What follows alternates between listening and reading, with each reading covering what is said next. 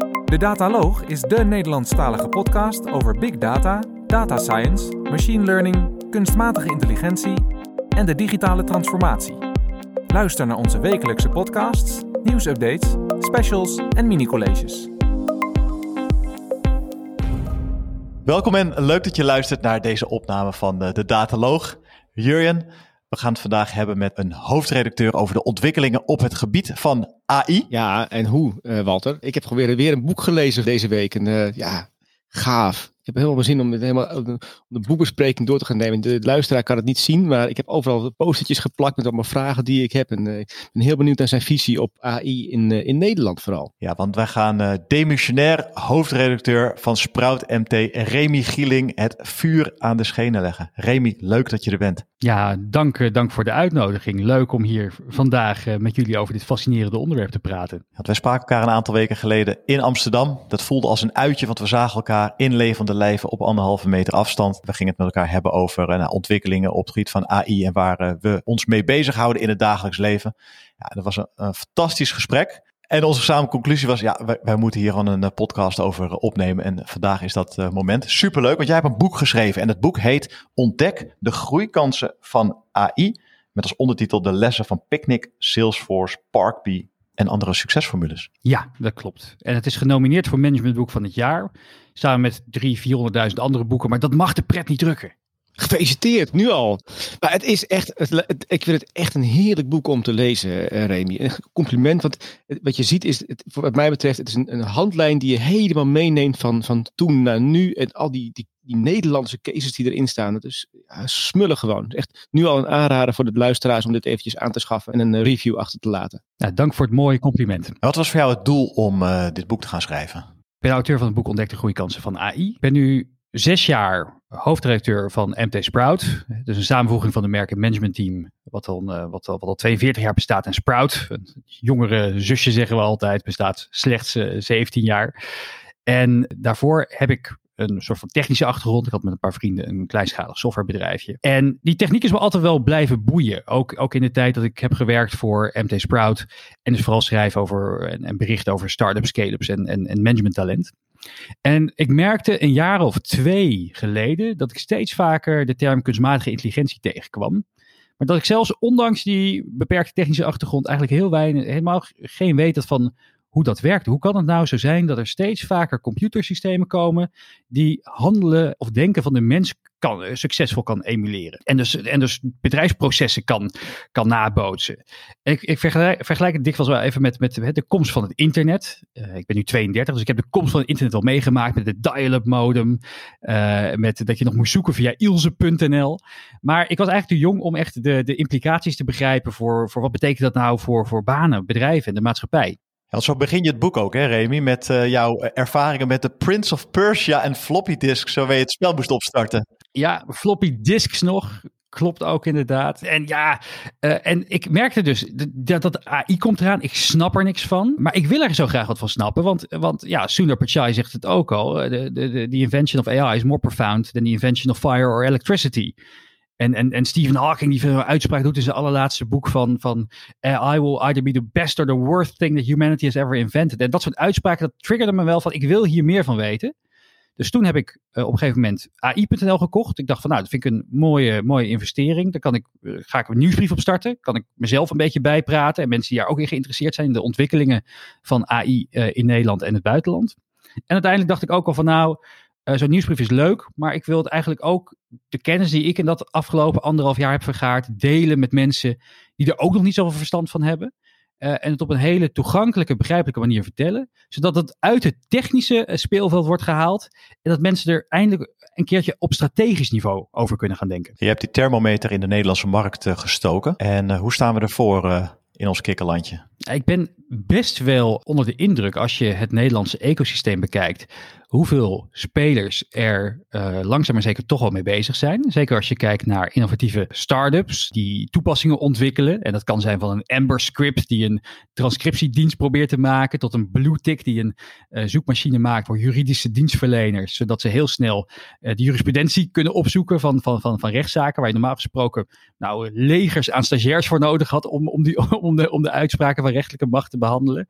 Tot aan een Picnic, die echt een, zichzelf een AI-first bedrijf noemt. En in vijf jaar tijd daardoor heeft kunnen opboksen tegen de Albert Heijns en de Jumbo's van deze wereld. Iets wat iedereen onmogelijk had uh, gehouden tot voor kort. Dus ik vind op praktisch veelveld dat we, dat we, dat we best, wel, uh, best wel hele mooie toepassingen aan het ontwikkelen zijn. En tegelijkertijd, daar kunnen we misschien later nog even over hebben, is er natuurlijk wel internationaal heel veel geld beschikbaar voor onderzoek en toepassingen. En daar lopen we toch wel behoorlijk achter. Eventjes voor de luisteraar, als je het boek hebt, pagina 243 staat een, een overzicht van het eh, AI Startup Landscape. En daar zijn bedrijven die je noemt inderdaad. En daar staan inderdaad echt mooie Nederlandse bedrijven tussen. Die misschien wat onzichtbaar zijn voor mensen. Maar je noemt uh, Picnic, maar ik zie hier ook in het ecosysteem zie ik een aantal mooie ondersteunende partijen. Zoals de NLAIC, het ICAI, het JATS, het ALAI, het ELSA Lab. TechLeap. Dat zijn ook geen, geen slechte namen als het gaat om toepassen van, uh, van AI. Hè? Nou, zeker. En ik, ik, ben, ik ben bijvoorbeeld heel erg onder de indruk. En ik, ik ben een soort van, van, van onbezoldigd ambassadeur. Want ik, ik noem ze overal waar ik maar kan. Het MKB Data Lab van het Euronymous Academy of Data Science. Dat is een, een, een, ja, een club studenten die echt een passie heeft voor, uh, voor, voor, voor data science projecten. Die zag, nou, er zijn heel veel bedrijven die niet weten waar ze moeten beginnen. En daar maar gewoon een klein productje omheen is gaan bouwen. Van wij gaan jullie MKB-bedrijven helpen met datavraagstukken. Nou, daar vragen we een soort stagevergoeding voor, voor, voor, voor één of twee maanden in die periode. Uh, onze studenten krijgen werkervaring. Jullie kunnen, kunnen, kunnen redelijk betaalbaar pilotprojectjes starten. En dat vind ik nou zo mooi. Dat soort initiatieven zijn er echt nodig om die technologie van de grond te krijgen. Daarbij zeg je volgens mij ook, maar dat is natuurlijk pleit eh, voor eigen parochie, dat de, HBO-achtige omgeving, dus daar niet waar de nieuwste algoritmes uitgevonden worden, maar vooral de nieuwste algoritmes toegepast worden, dat het misschien wat typisch Nederlands AI is. Ja, nou dat, dat, dat, dat lijkt me een hele mooie. Je ziet natuurlijk dat in dat de echte, de, de, de, dat, dat Nederland is, is ja, niet zo heel erg bedreven in echte deep tech. Dus Um, het, is ook, het, is ook, het, is ook, niet zo heel gek dat de, de, de grote uh, platformen voor, voor, voor, voor, voor machine learning, als je denkt aan, aan TensorFlow of PyTorch, dat het allemaal uh, komt overvliegen uit de Verenigde Staten of een Snowflake, weet je wel, die echt, die, die, die, echt wel de, backbone is van heel veel corporates die met, met, met, met, met, met, met data lakes bezig zijn. En in Nederland, kijk, dat, dat, dat, dat vraagt gewoon zo'n kapitaal, dat is gewoon zo'n kapitaalintensieve markt, dat je dat hier bijna niet van de grond kan krijgen met, met, met de middelen die we hier beschikbaar hebben. Maar het toepassen daarentegen, ja, we zijn echt een kennis, kennisland. Dus daar, zijn we, daar, daar ligt wel echt onze kracht. Die tools in de praktijk toepassen.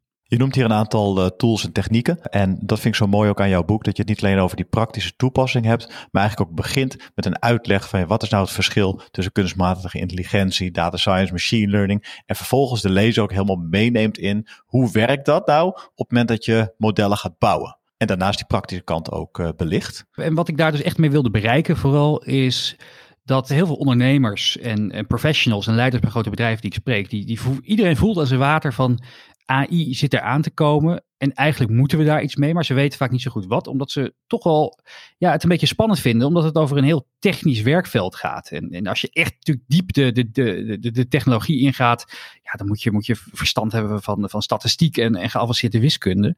En, en daar zijn die, die ondernemers en leiders en professionals vaak niet heel erg in bedreven. dus de, de, het, het, het, het, het zien als iets, als iets technisch en iets beetje engs, zorgt ervoor dat je je er niet nu al in gaat verdiepen. Dus ik heb het geprobeerd om het heel tastbaar te maken. En het gewoon heel menselijk uit te leggen. Dat, dat, dat, dat, het, dat je wel snapt waar het over gaat.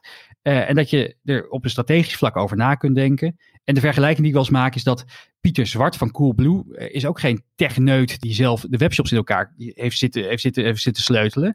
Maar hij wist wel wat de techniek kon doen om een vernieuwend bedrijf van de grond te krijgen. En dat heeft gezorgd dat hij een van de meest succesvolle webshops van Nederland heeft. Dus dat moeten Nederlanders ook gaan begrijpen. Dat je dus, uh, wat de mogelijkheden zijn van de techniek. En dan kunnen slimme mensen, net zoals mensen hebben geholpen bij het bouwen van Coolblue, je helpen bij het toepassen. Hey, en voor die luisteraars die dat nog niet zo goed uh, de definitie weten, uh, kun je jou, jou, jouw visie, jouw definitie even kort toelichten? Voor het boek met ongeveer 40 experts gesproken, ondernemers, wetenschappers, om alle vraagstukken te beantwoorden ik vroeg natuurlijk ook aan iedereen van, ja, wat is AI nou? En iedereen kwam een beetje met een andere definitie, omdat het ook zo'n vaag containerbegrip is. Maar het gaat eigenlijk in, uh, in, in, in de echte, de, basis, als je mij wel plat slaat, over computersystemen die intelligent gedrag vertonen. En dat kan natuurlijk zijn van het beoordelen eh, van een, uh, van een hypotheekaanvraag. Dat kan zijn een robot die, de, die leert om de trap op en af te lopen. Of dat kan zijn een camera die herkent wie er, wie er voor je deur staat. Dus het is een heel breed vlak, maar computersystemen die intelligent gedrag vertonen is denk ik de meest eenvoudige definitie. Als we daar doorgaan naar het ideale AI-project dat je beschrijft, is het er niet zo dat je een, een, een ideaal AI-project om meerwaarde te hebben, dat het moet gaan over het nemen van een betere beslissing? Ja, ik, ik, ik zie het vaak als twee assen die je hebt. Je kan kunstmatige intelligentie inzetten om processen te versnellen processen te verbeteren, dus eigenlijk kosten te besparen, of producten en diensten te verbeteren, oftewel meer omzet te genereren. Als je het heel erg plat zou slaan, zou je het op die manier kunnen aanvliegen. En ik heb ook gevraagd aan die experts van, maar waar begin je dan? Want je wil en processen versnellen en wil je betere producten en diensten maken.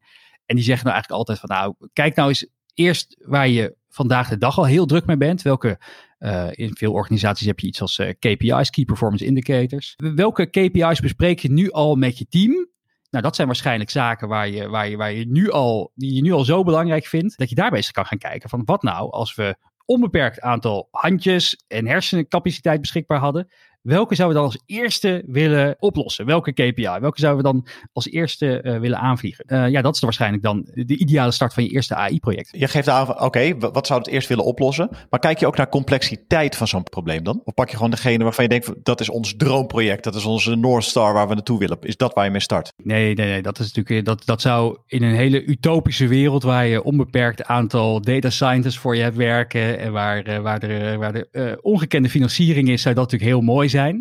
Uh, maar dat is, dat is vaak niet het, beste om mee te beginnen. Want je ziet ook weer, dat, dat, dat, dat blijkt ook telkens uit alle voorbeelden, dat het, leren werken met, uh, met, met algoritmes, dat het gewoon heel veel experimenteren kost. En dat, dat, dat, dat geldt voor startups, dat geldt voor scale-ups, dat geldt voor corporates.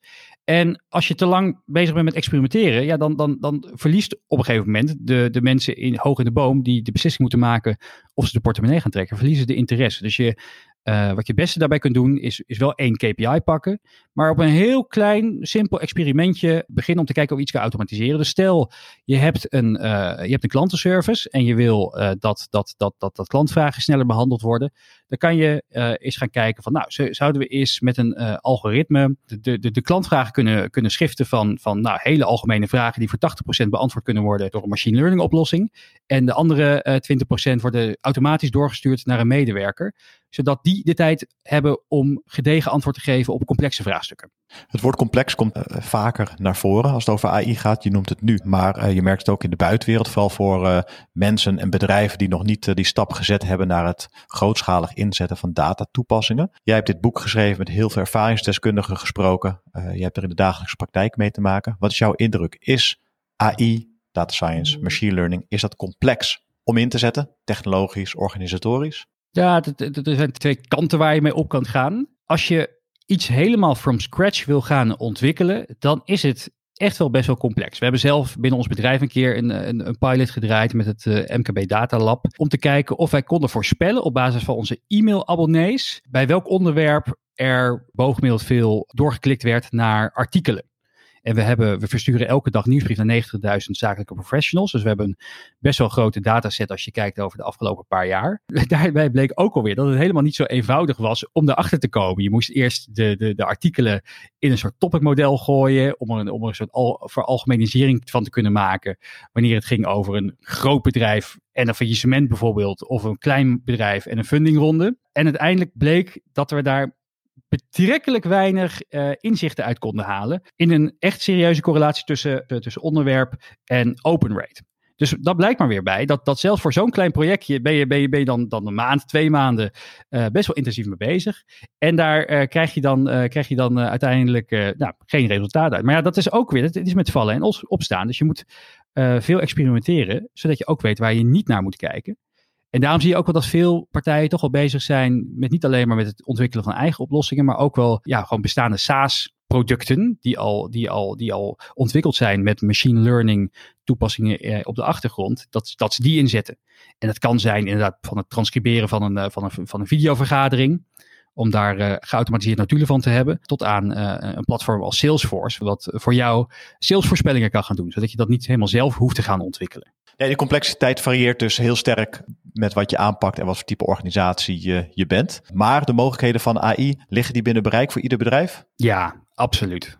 Ik denk, al is het wel een stap. Ik sprak er gisteren over met Marieke Blom, zij is hoofdeconoom van ING. En zij zegt ook, ja, heel veel partijen zijn er nog gewoon niet. Heel veel partijen willen iets doen met kunstmatige intelligentie, maar uh, de, eerste stap, en daarom is de, titel De Datalog ook zo mooi, is natuurlijk gewoon dat je je organisatie uh, data-driven maakt. Dat je, dat, je, dat je data-gedreven gaat ondernemen. Dat je goed gaat kijken, nou, welke data zouden we eigenlijk moeten verzamelen? En, en, en, en hoe gaan we dat verzamelen? En zorgen we dat we dat, dat, dat, dat, dat, dat, dat gaan opschonen? En dat het, dat, dat uiteindelijk geschikt wordt voor, voor, voor algoritmes.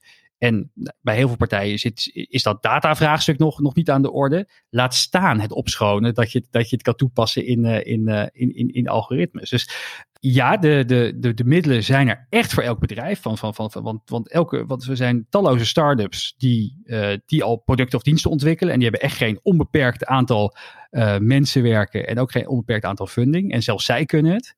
Maar heel veel partijen moeten nog wel eerst die stap maken van... oké, laten we eens gaan kijken wat, welke data is voor ons nou relevant en hoe gaan we dat zo gestructureerd mogelijk opslaan?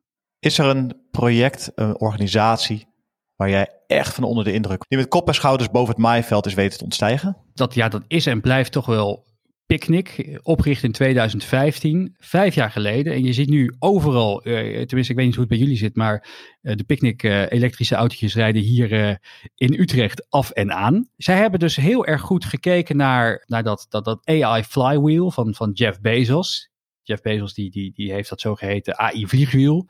Uh, waar het, waarin hij eigenlijk zegt van uh, hè, hoe meer gebruikers uh, we hebben, hoe meer data we kunnen verzamelen, hoe slimmer onze algoritmes worden, hoe beter onze producten en diensten, die uiteindelijk zorgen voor meer gebruikers, die gebruikers zorgen weer voor meer, voor meer data nou, enzovoort. Ja, Jeff Bezos is natuurlijk de oprichter-eigenaar van Amazon. Ja, die heeft ooit een keer een college gekregen van, van Jim Collins van Good to Great. Die heeft het vliegwielconcept uitgelegd.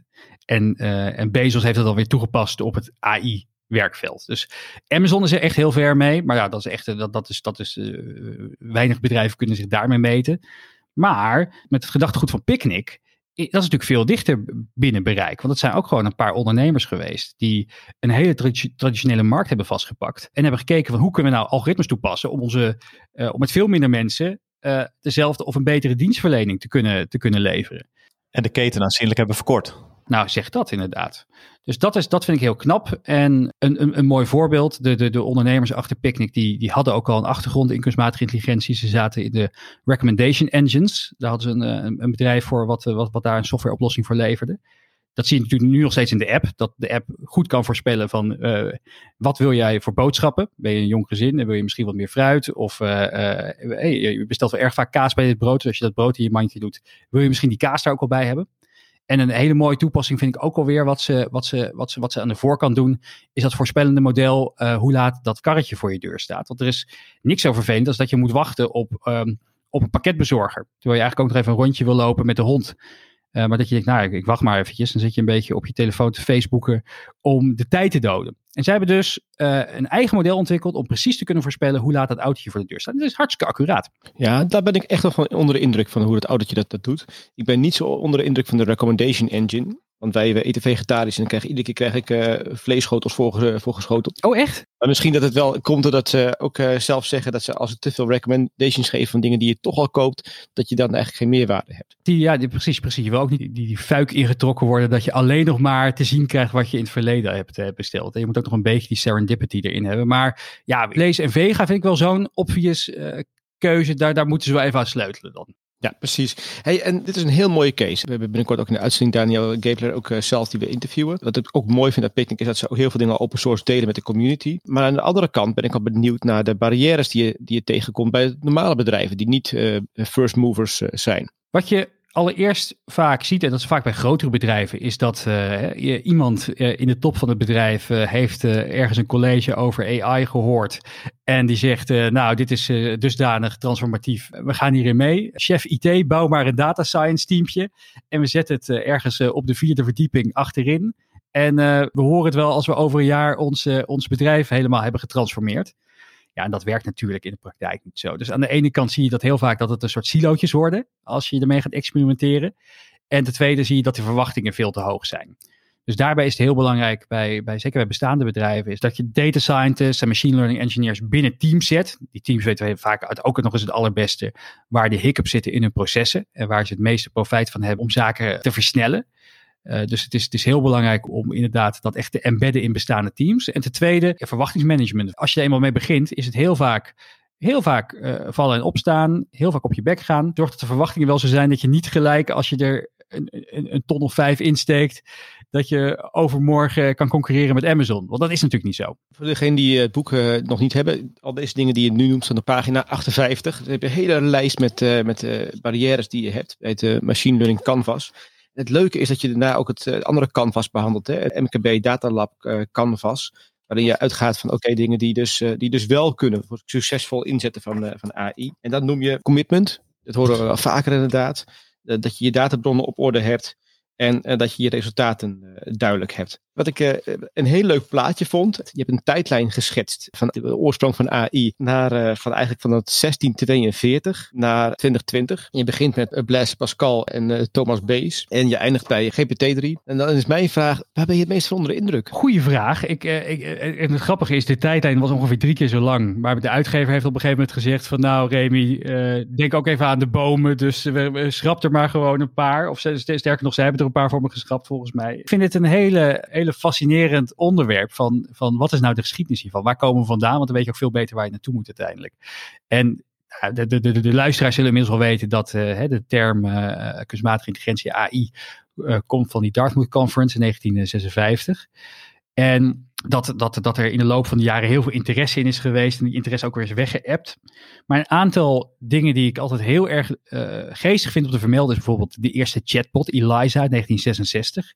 Ik heb hem uh, hier ergens liggen in huis. Hij, uh, ik heb hem van, van ooit op eBay gekocht. uit een of ander vaag dorpje in, in, in Amerika. Had iemand hem nog op zolder liggen. En dat zijn echt cassettetapes. Toen nog computerprogramma's op cassettetapes werden uitgebracht. En wat ook altijd heel mooi vind is, is, is, is 1986, toen Carnegie Mellon voor het eerst ging testen met de, met de zelfrijdende auto. Uh, dus er was gewoon een bus toen al uh, op, de, op, de op het universiteitscampus die, die heel stapvoets autonoom leerde om, uh, om de route te volgen. En een paar jaar later was ook Daimler al ermee bezig. maar dat toont dus aan dat, dat heel veel van de technieken die we vandaag de dag zien, dat die, dat die al tientallen jaren, soms wel meer dan 50, 60 jaar, 60 jaar oud zijn. En dus hoe snel het nu in één keer gaat dat we met de komst van meer data en ongelooflijk veel rekenkracht nu eindelijk pas het profijt ervan zien. Van die, van, die, van die theorie die al in de jaren 60 of in de jaren 80 is bedacht. Vind ik fascinerend. Ja, sterker nog, 1763 Thomas Bayes, het Bayesiaanse denken van, uh, op, basis van uh, dat je een uitspraak doet over de kans dat iets zo is op basis van de, van de, van de feiten die je ziet. Dat is natuurlijk de, voor de naïef Bayes en diverse deep learning algoritmes gewoon de, de basis geweest ooit. 1763. Wat zal die man opkijken als hij ooit nog terugkomt? Ja. Misschien kunnen we zijn gedachtegoed ooit simuleren in een uh, soort uh, megalomaan algoritme. Dat we, dat we hem weer uh, terug kunnen halen. Als je dan kijkt naar het in 1965 neergelegde theorie van Moore's Law, dan zal dat niet zo heel ver in de toekomst misschien meer zijn. Hè? Want de rekenkracht die blijft toch nog steeds iedere twee jaar verdubbelen. nee. Het is ook wel, wel ongelooflijk hè, dat het 1965 Intel oprichter Gordon Moore dat voorspelde. En dat het tot op de dag van vandaag ook gewoon waar blijkt te zijn. Walter, waar ben jij waar, ben jij van onder de indruk, Walter, als je dit, nou, dit, dit rijtje zo ziet? Nou, wat mij vooral opvalt is dat het aantal ontwikkelingen wat in de laatste twee decennia genoemd wordt in deze tijdlijn, dat dat uh, net zoveel is wat in uh, de eeuwen daarvoor werd uh, genoemd.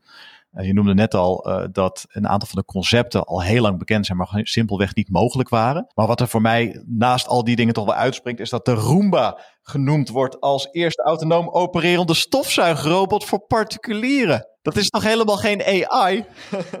Nee, ik denk dat de uitgever er eentje heeft rondlopen. Dus dat hij er daarom in is, is, is gebleven. Welke ik zelf toch wel echt heel geestig vind. En dat, dat, dat wordt vaak vergeten. Is, uh, we hebben natuurlijk een paar jaar geleden gehad dat Google DeepMind het won van de, van de grootmeester Go. In het, in beroemde DeepMind toernooi. En dat komt voor in een, in een heel mooi boek. AI Superpowers van Kai Fu Lee. Dat wij hier in Europa hebben dat, hebben, dat, hebben dat gezien. En DeepMind is een, eh, is, een, is een Brits team. Dus nou ook nog een beetje, beetje Europees, trots, semi, zelfs met de Brexit.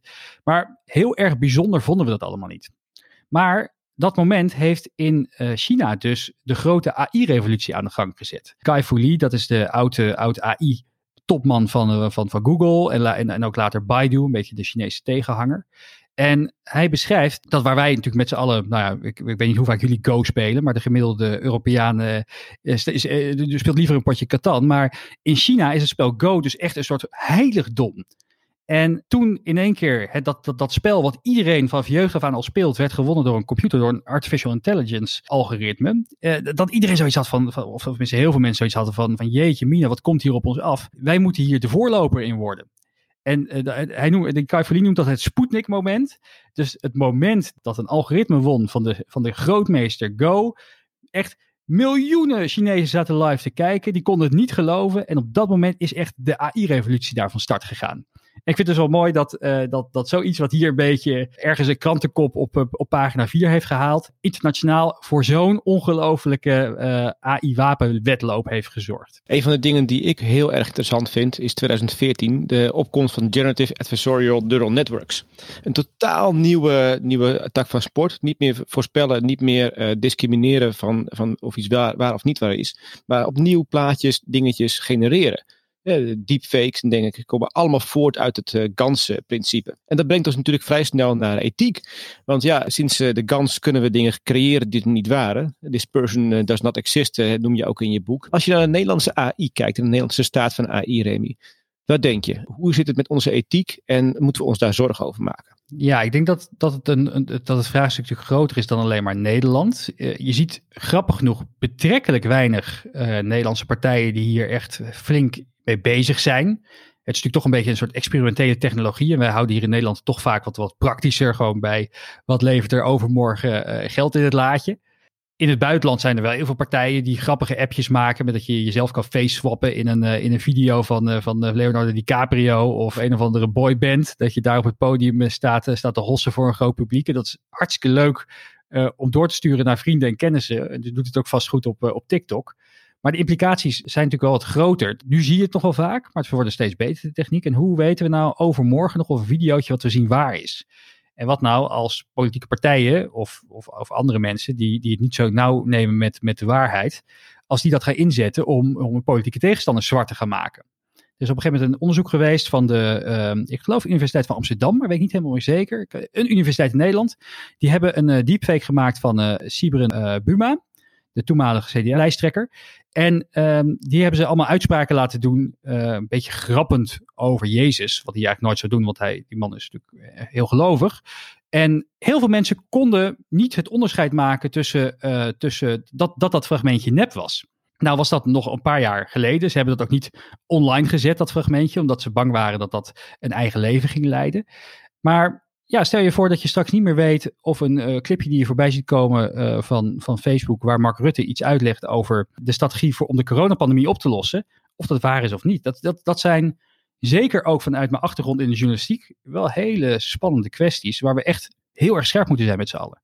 Maar is dat tegen te houden? Nou ja, gelukkig is het een beetje vuur bestrijden met vuur. Want mensen kunnen dus heel moeilijk deepfakes uh, onderscheiden van, uh, van, van echt. Maar algoritmes kunnen dat daarentegen weer uh, als, als geen ander. Microsoft is daar ook volop aan inzetten. Gelukkig vind ik erg, erg fijn dat, dat er een aantal grote bedrijven daar, daar tijd en resources aan besteden. Dus ja, waarschijnlijk zul je uiteindelijk zien dat bestrijd vuur met vuur. Dat is de algoritmes voor ons moeten gaan kijken van wat is nou authentiek en wat niet. De, de virus scanner 2.0, de fake scanner. De fake scanner. Oh, dat zou grappig zijn. Dat je, dat je de, de, de McAfee uh, fake scanner hebt of zo straks.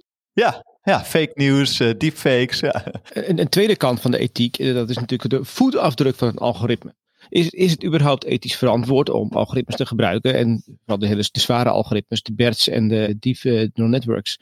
Omdat ze een, natuurlijk ontzettend veel CO2 uitstoten. Ja, dat is echt krankzinnig. Het aantal, het, we zien het allemaal niet, want we doen het allemaal in de cloud. En ja, die, die serverparken zijn ergens te ronken. En je krijgt gewoon uiteindelijk een, een rekeningetje van, uh, van Amazon of van, uh, van Microsoft of, uh, of IBM of welke partij je dan ook infrastructuur hebt staan. Dus we zien niet hoeveel, hoeveel, hoeveel stroom er nodig is om die datasets te trainen. En, uh, of om die algoritmes te trainen met, met grote datasets. En dat, ik vind dat wel een mooi voorbeeld van OpenAI. Die hebben natuurlijk ook GPT-3 ontwikkeld, maar die hebben ook allemaal andere grappige dingetjes. Zo hebben ze een robothand die heeft geleerd om een Rubik's Cubus op te lossen. En ik heb even uitgerekend, de stroom die ervoor nodig was om dat die, die robothand te trainen en Rubik's Cubes op te lossen. Daar had je de kerncentrale in Borstelen gewoon zes uur lang voor kunnen laten draaien. En ja, bedrijven die daarmee bezig zijn, die dus heel erg investeren in, in, in machine learning toepassingen, moeten daar wel ook een beetje hun verantwoordelijkheid in nemen. Of in elk geval heel transparant in zijn. En wordt dan ook wel opgeroepen door verschillende experts van bedrijven die dus bezig zijn met, uh, met machine learning toepassingen.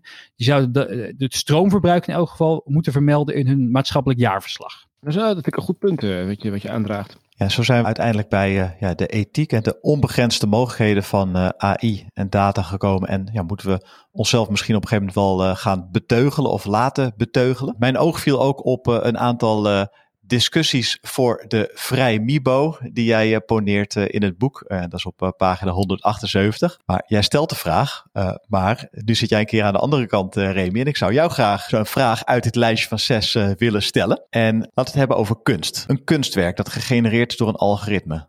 Is dat per definitie minder waard dan dat van een menselijke kunstenaar? Oh, vind ik een hele leuke. Ik kom uit een gezin van kunsthandelaren. Mijn vader, mijn opa, mijn overgroot, mijn overgrootopa. Allemaal hebben ze hun roots in, in de kunst. Dus ik vind het ook echt een fascinerend onderwerp. Vandaar dat ik ook een hoofdstuk over creativiteit heb, aan, aan creativiteit heb gewijd. En grappig genoeg is er dus ook een kunstwerk geweest. Wat uiteindelijk bij, bij, bij, bij, bij Christie's of Sotheby's is geveld voor 4 ton. Wat is gegenereerd door een algoritme. Was wel eenmalig, want toen hetzelfde kunstenaarscollectief dat nog een keer probeerde te doen, kregen ze er maar 20.000 voor. Dus de, de, waarde ging snel omlaag. En dan kan je het net als Banksy uiteindelijk gewoon in één keer laten vernietigen, hè, op het moment dat het verkocht is. Oh ja, precies. Ja, dat, dat, was, ook, dat, was, ook, dat, was, ook, dat was ook een mooie stunt. Maar is het minder waard? Je, je kan zeggen, is een algoritme creatief? Is een mens creatiever dan een algoritme? Nou ja, wij zijn natuurlijk ook altijd ja, gewoon een optelsom van de ervaringen die we hebben opgedaan. Ook de kunst die we maken is vaak, uh, vaak geïnspireerd door anderen. En zo werken algoritmes natuurlijk ook. Zijn ook geïnspireerd door de voorbeelden die je invoert. En alleen een, waarde van iets zit natuurlijk wel ook heel erg in, in de schaarste. Het feit dat er maar zoveel kunstwerken van Rembrandt nog in omloop zijn, maakt dat dat heel veel waard is, naast dat die gewoon heel goed is. Een algoritme daarentegen, die kan natuurlijk in een seconde miljoenen varianten van kunstwerken uh, genereren. Exclusief zou je niet eens meer kunnen noemen, want het is, er, het is er in overvloed. Dus kunst van de mens is dus meer waard. Niet zozeer omdat dat unieker is wat hij doet, maar wel omdat het exclusiever is wat hij maakt. Want hij kan maar zoveel kunstwerken maken in een, in periode. Waar ik gelijk aan moet denken is dat uh, je noemt creativiteit. En ik heb wel eens de indruk van alles wat ik uh, hoor en wat ook bijvoorbeeld door Singularity University gepredikt wordt, dat ja, die creativiteit, dat dat eigenlijk de reddingsboei is van de mensheid. Want uh, alles wat in nullen en enen gevat kan worden, ja, dat wordt overgenomen door computers, door modellen. Maar die creativiteit, ja, dat is juist wat een mens uniek lijkt te maken. Hoe kijk jij er tegenaan? Ja, de, creativiteit van ons brein komt ook uit de ervaringen die we, die we opdoen. Door de dingen die we zien in onze jeugd en horen en, en ruiken. En die we op latere leeftijd meemaken. Dus dat maakt ons niet zo, uh, misschien ons niet zo extreem uniek. Waar, waar, waar, ik vooral eigenlijk het, de grote meerwaarde van zie, is dat, en dat zie je bijvoorbeeld ook bij het AI Songfestival, wat, wat vorig jaar is georganiseerd uh, in Nederland, dat algoritmen ons gaan helpen nog creatiever te worden. Wij zijn misschien toch wel een beetje beperkt hè, in wat we meemaken. En doordat algoritmes zoveel verschillende facetten qua muziek, qua kunst, qua dichtkunst, qua, uh, qua beeld, qua geluid kunnen genereren, dat dat misschien ons weer juist heel veel input geeft van, oh wacht, dit is, dit is, dit is een gave melodie, daar had ik nog zelf niet over nagedacht. Daar kan ik misschien een mooie tekst bij schrijven. Of een, een, uh, als je misschien niet zo goed bent in teksten schrijven, dat je een tekst laat genereren waar jij weer een mooi muziekstuk op kan componeren. Dus ik zie vooral daarin dat die, dat die samenwerking tussen mens en machine heel veel gaat brengen, juist ook op het creatieve vlak. Overigens wil je meer weten over het AI Song Contest. We hebben er eh, twee uitzendingen over de, AI Song Contest uh, ook gemaakt. Eentje met uh, organisatoren en eentje waarin we dus de resultaten van de ding laten horen. Dat is erg leuk om het te zien. Als we AI omarmen in Nederland. En ik wil jou de gelegenheid geven, Remy, om een oproep te doen aan, aan de managers die dit boek lezen. Of aan de managers die, die, die denken, we moeten hier iets mee.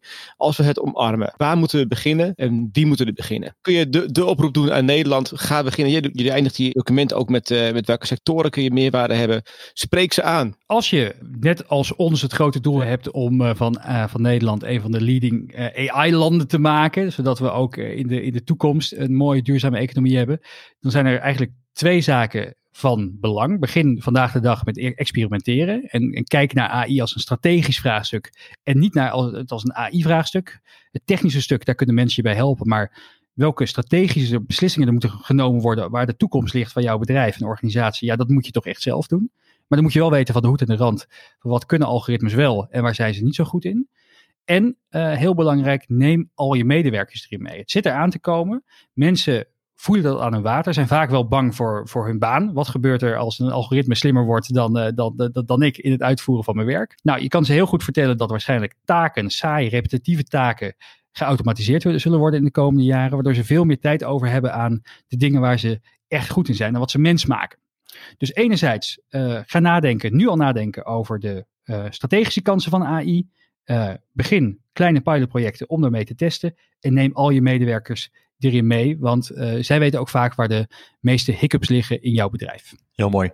Remy, is het mogelijk voor ons om een uh, boek weg te geven aan een luisteraar? Natuurlijk. Nou ja, heb jij een leuke opdracht voor ze dat ze kunnen reageren in een discussie, bijvoorbeeld op LinkedIn, uh, om uh, te verdienen natuurlijk? Je zou één stukje van je organisatie volledig kunnen automatiseren. Dat het echt van A tot Z door uh, een robotje hypersnel, hyperefficiënt en hyperpersoonlijk wordt opgelost. Welk stukje van je bedrijf zou dat dan zijn? Je mag maar één kiezen. Ik zou, ik zou voor de schoonmakers gaan. Schoonmaker? Oh, wat grappig. dan kom je toch op die iRobot uit.